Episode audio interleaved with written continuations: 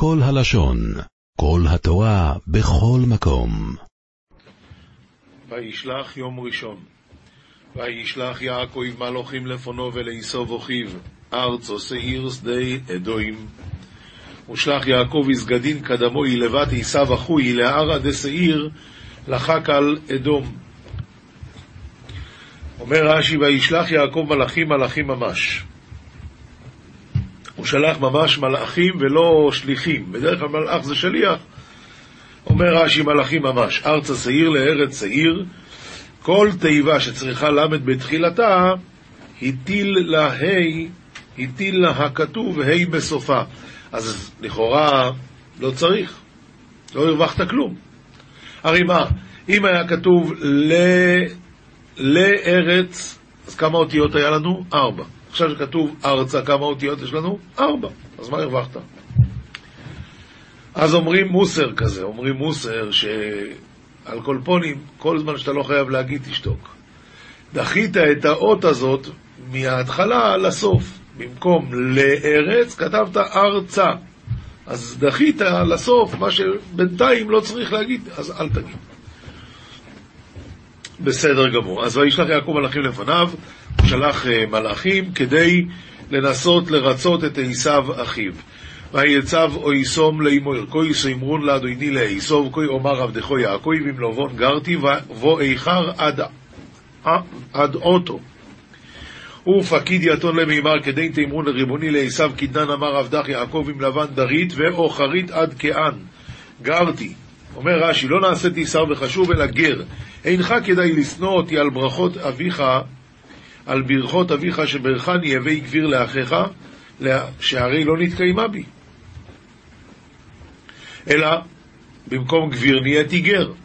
אז יפה מאוד אומרים כאן. גביר זה ג' ב' י' ר'. אם אתה מוציא את הבית י', מה נשאר? גר. מה חסר? בי. זה מה שכתוב, אינך כדאי לשנוא אותי על ברכות אביך שברכני הווי גביר לאחיך, שהרי לא נתקיימה בי. הבית י' לא התקיים, מה נשאר? רק גר. דבר אחר, גרתי בגימטריה תרי"ג, כלומר עם לבן הרשע גרתי, בתרי"ג מצוות שמרתי, ולא למדתי ממעשיו הרעים. יפה. יפה מאוד, ומה אייסוב הוא כזה רב ראשי שצריכים להגיד לו, שמע, אני שומר מצוות ואני לא פספסתי כלום, זה בכלל אה, מדבר אליו? התשובה היא, הרי אייסוב ידע שיעקב, שיצחק אמר לו, והיה כאשר תריד ופרקתהו לו מעל צוואריך. אז הוא בא להגיד לו, תדע לך שאני עוד לא מרדתי. אני עוד לא מרדתי, אני בינתיים משמר הכל. ועוד שאלה צריכים להבין איך יכול להיות שהוא שמר את הכל, הרי איפה היה לו אבא ואימא שם לכבד אותם, ואיפה היה לו יהודי לתת לו קצת צדקה, ואיפה היה לו, מה הוא עשה שם? התשובה היא, תרי"ג מצוות, שמרתי.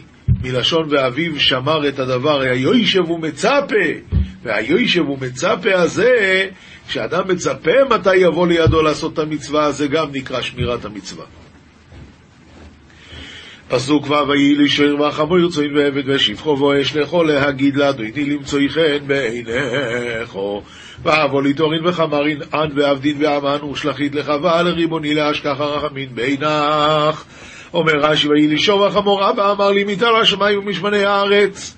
בברכה שקיבלתי את זה אבא אמר לי אבל זו אינה לא מן השמיים ולא מן הארץ. שור וחמור דרך ארץ לומר על שברים הרבה, שור. אדם אומר לחברו, בלילה קרא התרנגול, ואינו אומר קראו התרנגולים, אלא קרא התרנגול. ויש לך להגיד לאדוני להודיע שאני בא אליך למצוא חן בעיניך שאני שלם ממך ומבקש אהבתך. אני שלם ממך ומבקש אהבתך, לא רוצה לריב איתך. פשוט. יש כאלה שאומרים, הרי חברה מקלקלת את האדם, או, או, או עושה ההפך, זאת אומרת, תלוי איזה חברה. על כל פנים, חברה רעה ודאי גורמת לבן אדם קלקול, אז השאלה איך יעקב אבינו לא התקלקל אצל לבן, איך הוא לא הושפע. התשובה שאומרים, ראית פעם אחד שעובד ברפת, שאחרי עשרים שנה ברפת הוא יתחיל לעשות מו? לא. למה לא? כי זה בהמות, מבהמות לא מתקלקלים. זהו זה, אומר יעקב אבינו, עם לבן גרתי ותרי"ג מצוות שמרתי, ואיך לא התקלקלתי? התשובה היא, ויהי לי שור וחמור. אני התייחסתי אליו כאילו הוא שור או חמור, ואז ממילא לא התקלקלתי.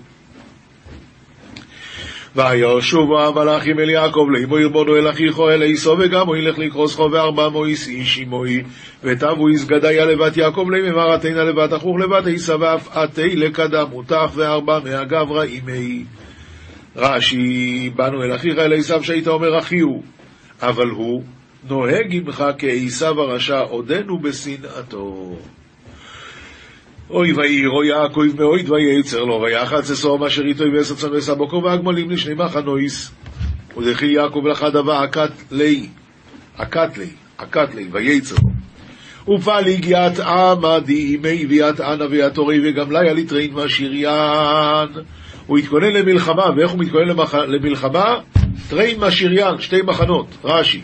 המחנה האחת והכהו, הוא כאן רש"י נכנס קצת לעניין של דקדוק, אבל זה דקדוק מאוד מעניין, שרש"י אומר שמחנה זה גם זכר וגם נקבה. איך רואים? כי כתוב אם יבוא עשיו... אה, רגע, עוד לא למדנו את הפוסוק הזה, סליחה. ויאמר אם יבוא יסוב אל המחנה האחס ויקור והמחנה הנשאר לפליטו, הנשאור לפליטו ואמר אם ייתי איסוב למשריתא חדה ואם חיני ויהי משריתא תשתער לשייזבה רש"י אז לא קראנו את הרש"י בפסוק הקודם. וירא יעקב מאוד וייצר, וירא שמא ייהרג. וייצר לו אם יהרוגו את החירים. מה אכפת לו? מה אכפת לו? הרי הבא להורגך השכם להורגו. התשובה היא, הוא לא רצה להרוג את איסוף. והסיבה הפשוטה זה לצייר את אבא ואמא, זה כל הדברים האלה. אבל חוץ מזה אומרים בדרך רמז, הרי כתוב שאנדריאנוס קיסר בא להילחם על ירושלים, אז הוא התגייר. כי הוא ראה שהקדוש ברוך הוא אחרי זה ינקום את נקמתו באדום. אז הוא התגייר. הוא התגייר, ונופק מיני רבי מאיר, יצא ממנו רבי מאיר. ואיך רבי מאיר נקרא בש"ס? החיירים. יופי, אם ככה, אם היה הורג את איסוב, לא היה לנו את רבי מאיר, וזה מה שהוא פחד שהם יהרוגו את החיירים, את רבי מאיר. המחנה האחת ועיקר, הוא אומר רש"י, מחנה משמש לשון זכר ולשון נקבה. אם תכנה עליי מחנה, הרי לשון נקבה. המחנה הזה, לשון זכר. וכן יש שאר דברים משמשים לשון זכר ולשון נקבה, השמש יצא על הארץ, מקצה השמיים מוצאו, הרי לשון זכר. מצד שני, השמש זרחה על המים, הרי לשון נקבה, וכן רוח. הנה רוח גדולה באה, הרי לשון נקבה. ויגע בארבע פינות הבית, הרי לשון זכר, ורוח גדולה וחזק מפרק הרים, הרי לשון זכר ולשון נקבה. וכן אש, ואש יצא מאת השם לשון נקבה, אש לוהט לשון זכר. אז יש לנו פה אש ורוח ושמש ומחנה. כל הדברים האלה זה גם זכר וגם נקבה. אש, רוח, שמש, מחנה. והיה המחנה הנשאר לפליטה על כורחו, אומר רש"י. אם הוא יהרוג במחנה אחד, אז המחנה השני יישאר לפליטה על כורחו. למה? כי אלחם עמו. אני אלחם. התקין עצמו לשלושה דברים, לדורון, לתפילה ולמלחמה. לדורון, ותעבור המנחה על פניו, לתפילה, אלוהי אבי אברהם. למלחמה, והיה המחנה הנשאר לפליטה. השאלה, הוא אומר שהמחנה הנשאר יהיה לפליטה על כורחו. מי אמר? יכול להיות שיהרוג את המחנה הראשון, ויהרוג גם את המחנה השני. מה הפשט? אומר הגאון מווילנה, אימא שלהם התנבאה למה אשקל גם שניכם יום אחד, ימותו שניהם, עשיו ויעקב ימותו ביום אחד. ויעקב אבינו שם את עצמו במחנה הראשון, ואת המחנה השני הוא שם במרחק של יום, מהלך יום. אז עשה חשבון, אם יבוא עשיו אל המחנה האחת ויקראו, אז הוא יהרוג את יעקב. אם הוא יהרוג את יעקב, הוא מוכרח למות באותו יום. אז למחנה השני הוא לא יגיע, והיה המחנה הנשאר לפליטה.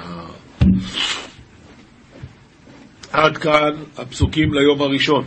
עכשיו נביא, חזון עובדיה, הנביא עובדיה היה נביא גר אדומי, ולמרות שהוא היה גר שרתה עליו רוח הקודש והוא היה נביא, והוא התנבא על אדום, מאיפה שהוא בא. חזון עובדיה כה אמר אדוני אלוהים לאדום, שמועה שמענו מאת אדוני וציר בגויים שולח, קומו ונקומה עליה למלחמה. הקדוש ברוך הוא אומר, בואו נלך למלחמה על אדום, הנה קטון נתתיך בגויים, בזוי אתה מאוד. רש"י, בזוי, למה אדום בזוי? שלא היו מעמידים מלך בן מלך, אלא על פי בחירות, דמוקרטיה. אומר המשך חוכמה, למה דמוקרטיה זה נקרא בזוי אתה מאוד? התשובה היא דמוקרטיה זה צורת השלטון הכי טובה בשביל האזרח הקטן, שאצבע שלו מרימה או מורידה את השליט. אבל מבחינת המדינה זה שלטון גרוע ביותר. כיוון שהשלטון נבחר כל ארבע שנים, כל אדם שנבחר עושה חשבון רק מה אני יכול לעשות היום שייתן לי את החזרה של זה תוך ארבע שנים. כשאני עדיין יושב על הכיסא כדי שיוכל להיבחר פעם שנייה. אדם שיושב על שלטון של ארבע שנים לא חושב קדימה בעוד עשרים שנה. אחריי המבול, מה אכפת לי? אחריי המבול. במלך בן מלך הוא ילך לדאוג לשק, ל, ל, ל, למים. אנחנו בארץ, פה במדינת ישראל, כל, כל הממשלות אומרות, משק המים במצב קטסטרופה. נו, אז למה לא דואגים לזה? התשובה היא פשוטה. מה אני צריך לדאוג לזה היום בשביל שמה? שהשר שיבוא אחריי, הוא יהיה זה שיקצור את, ה, את, ה, את, ה, את ההצלחה? לא רוצה. וכל אחד דואג רק לשנתיים הקרובות. וזהו, וזו צורת השלטון הכי גרועה בשביל המדינה. בזוי אתה מאוד שלא היו מעמידים מלך בן מלך. כך מסביר המשך חוכמה. ממשיכה לה הנביא זדון לי בך אישיעך שוכני בך גבי סלע מרום שבטו אומר בליבו מי יורידני ארץ. אומר רש"י שוכני בך גבי סלע סומך על משענת אבותיו אברהם ויצחק. איסו הוא הבן של אברהם ויצחק. אז הוא סומך על הזכות אבות הזאת. ולכן ויושב גבוה ואומר לא יקרה לי כלום אם תגביה כנשר, אומר לו הנביא, ואם בין כוכבים שים קינך, משם הורידך נאום אדוני. אם גנבים באו לך, לך, אם שודדי לילה, איך נדמית? הלא יגנבו דיים. אם בוצרים באו לך, הלא ישאירו עוללות.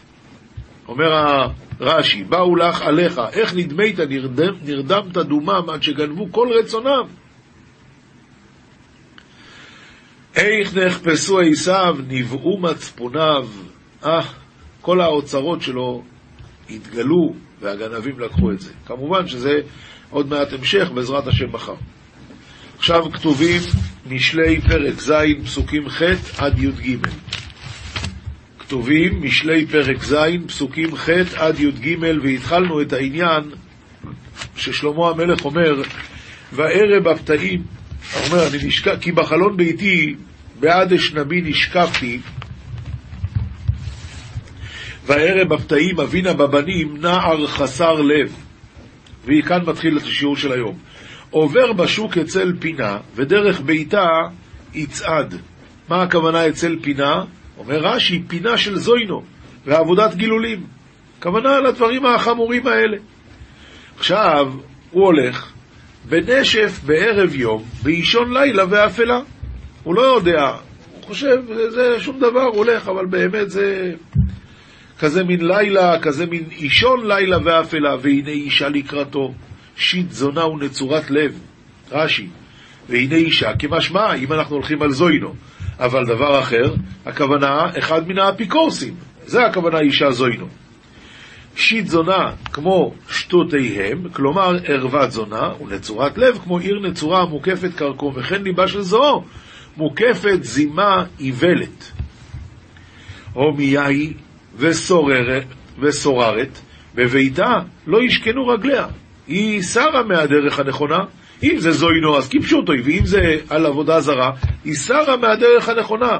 לכן בביתה לא ישכנו, איפה שצריך להיות שם הוא לא נמצא, הוא הולך בדרך אחרת. פעם בחוץ, פעם ברחובות, ואצל כל פינה תארוב.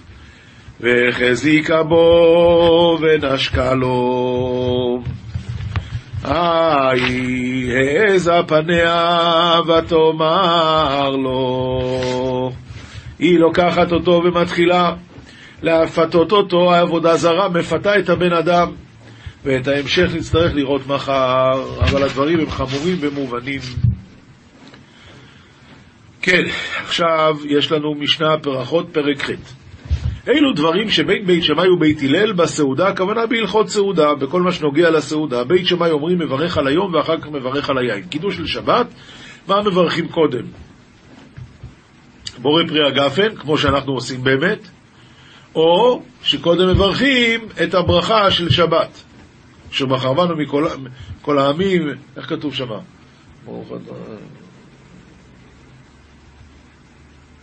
ברוך אתה השם אלוקינו מלך העולם, מה. ורצה בנו שבת קודשו בערבו ורצון לנו זיכרון למעשה בראשית. מה מברכים קודם, את זה או את הבורא פרי הגפן? אז בית הלל אומרים, בית שמאי אומרים, מברך על היום, ואחר כך מברך על היין. למה? למה? בגלל שאומרים בית, בית שמאי, אם לא היה שבת, הוא לא היה מברך על היין עכשיו. אז השבת גרם ליין שיבוא. יפה מאוד. הלאה, ובית הלל אומרים מברך על היין ואחר כך מברך על היום. אומר רבינו עובדיה מברטנורה, בתחילה, לפי בית, לפי בית שמאי, קודם תחילה הקידוש ורק אחר כך, לא, זה בית הלל. בתחילה קידוש היום ואחר כך מברך על היין, לא, זה בית שמאי, כן. אה, מברך קודם על היום ואחר כך על היין, מורה פרי הגפן, שתחילה קידש היום ואחר כך בא היין על השולחן בשביל היום. וכשם שקדם לכניסה, כך קודם לברכה. אבל לפי בית הלל מברך על היין תחילה, והוא הדין למקדש על הפת, גם כן אותו הדין יברך קודם אה, על, ה, על הדברים האלה. למה? שהיין או הפת גורמים לק, לקידוש היום, שאם אין לו יין או פת, לא יקדש. היי, אתה שואל אותי, הרי יש מצווה של לזכור את יום השבת, נכון, את זה הוא עושה בתפילה. אבל כשהוא בא הביתה, אם לא היה לו יין או פת, הוא לא היה מקדש, אז מי גרם לקידוש שיבוא?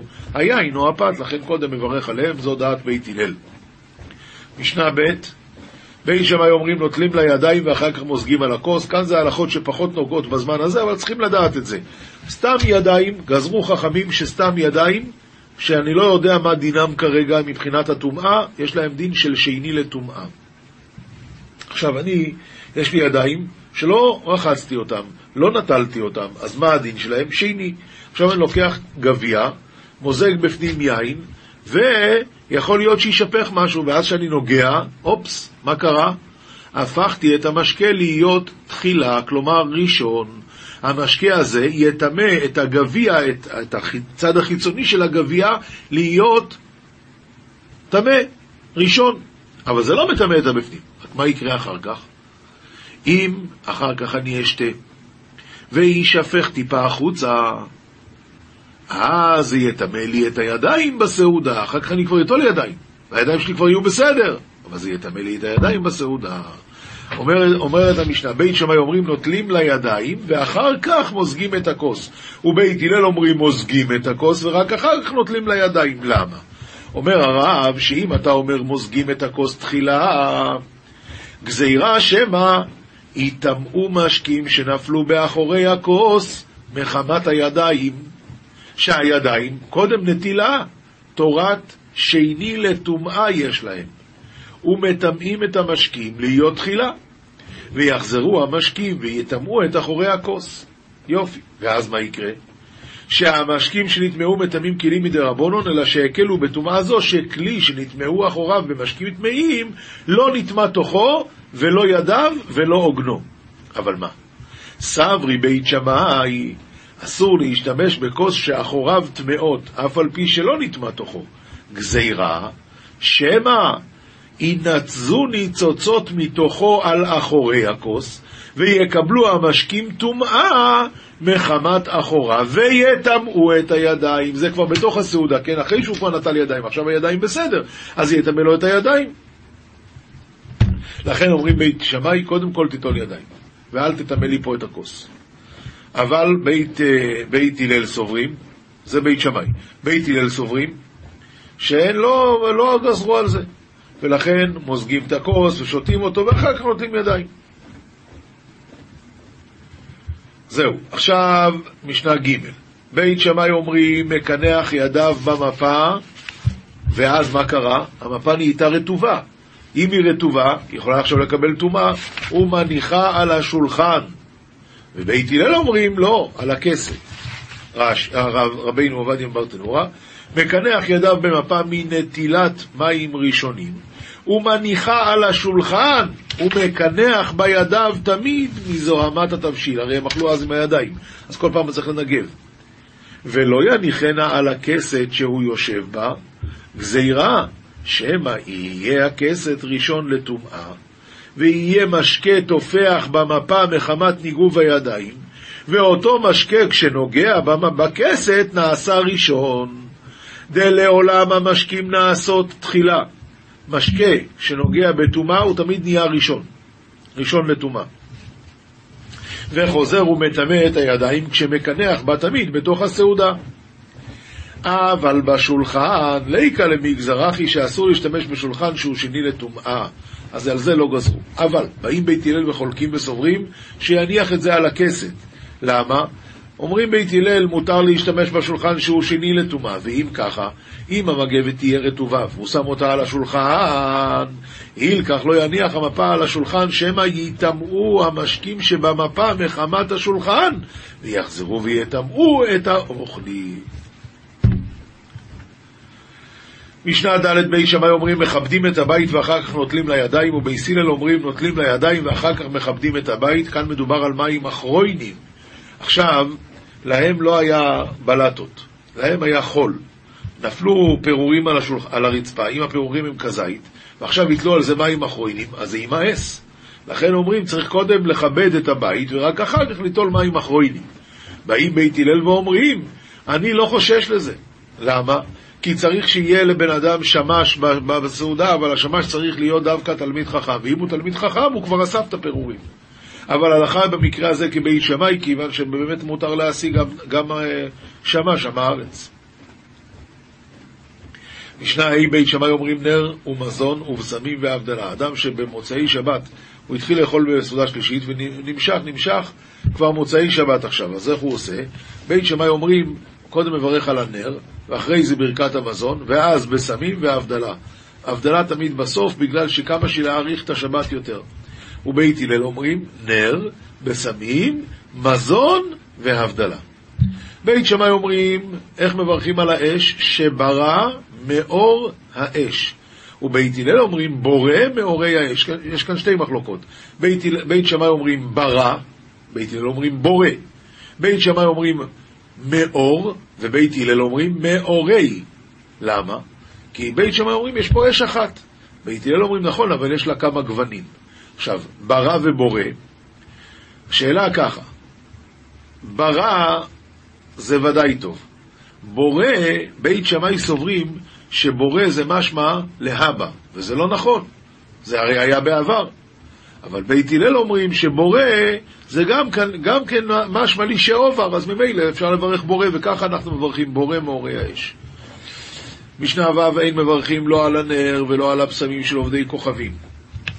למה? זה אותו הדבר ולא על הנר ולא על הבשמים של מתים. למה? מפני שלא הדליקו את זה בשביל זה.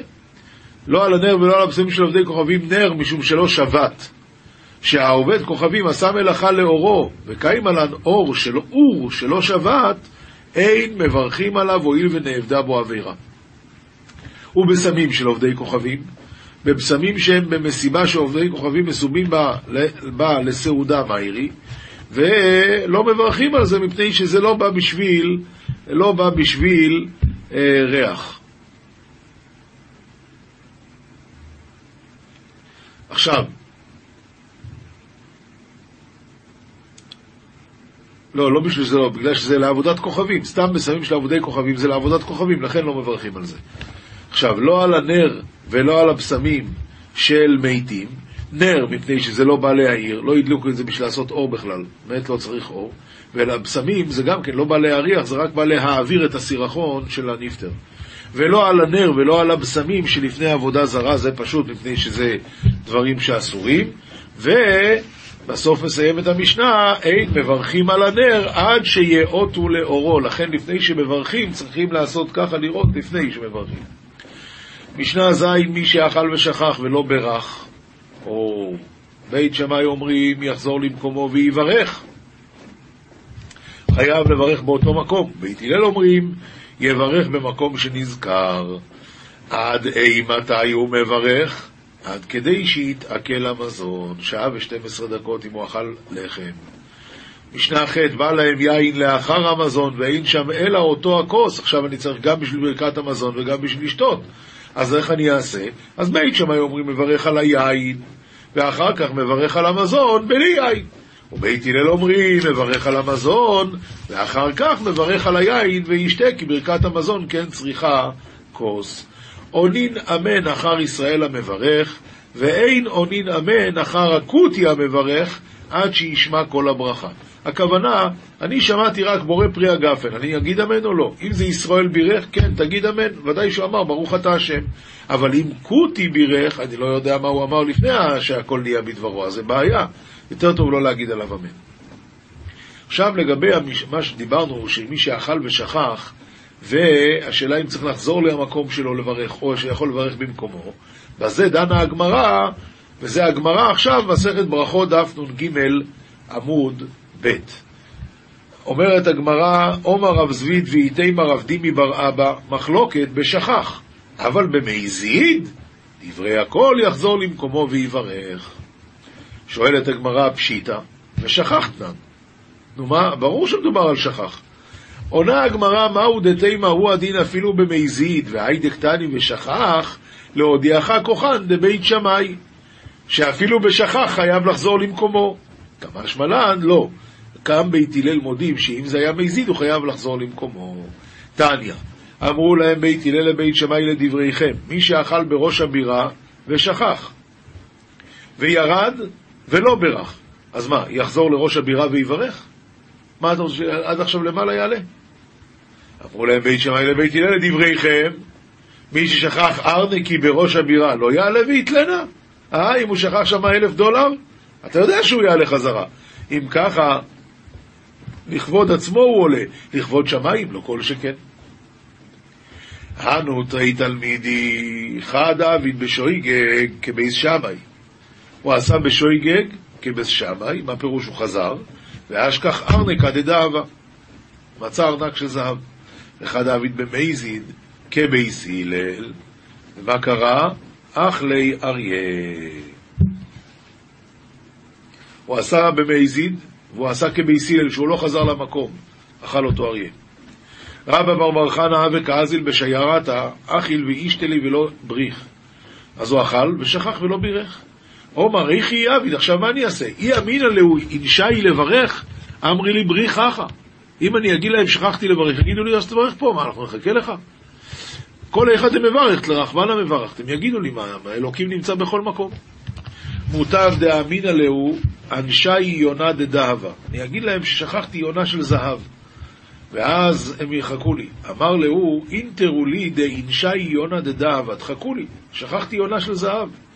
אזיל ובריך ואשכח יונה דדהבה. הוא באמת מצא שם, הוא באמת הלך לברך, אבל הוא מצא שם יונה של זהב. שואלת הגמרא, למה הוא אמר להם דווקא יונה? מה ישנה יונה? התשובה היא דמטילה כנסת ישראל ליונה. דכתיב, כנפי יונה נחפה בכסף, ועברותיה בירקרק חרוץ. מה יונה אינה ניצולת אלא בכנפיה, אף ישראל אינה ניצולין אלא במצוות.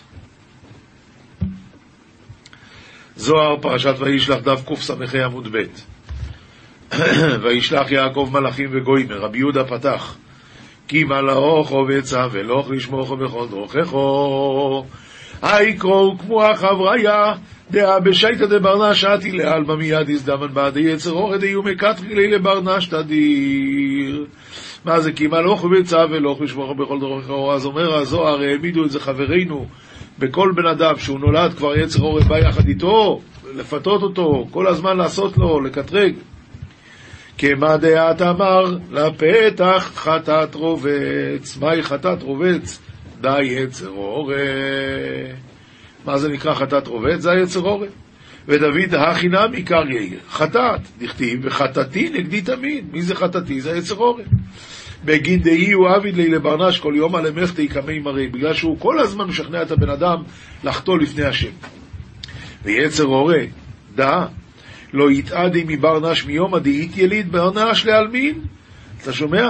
היצר הזה לא עוזב את האדם מהרגע שהוא נולד, עד לעלמין, עד לתמיד.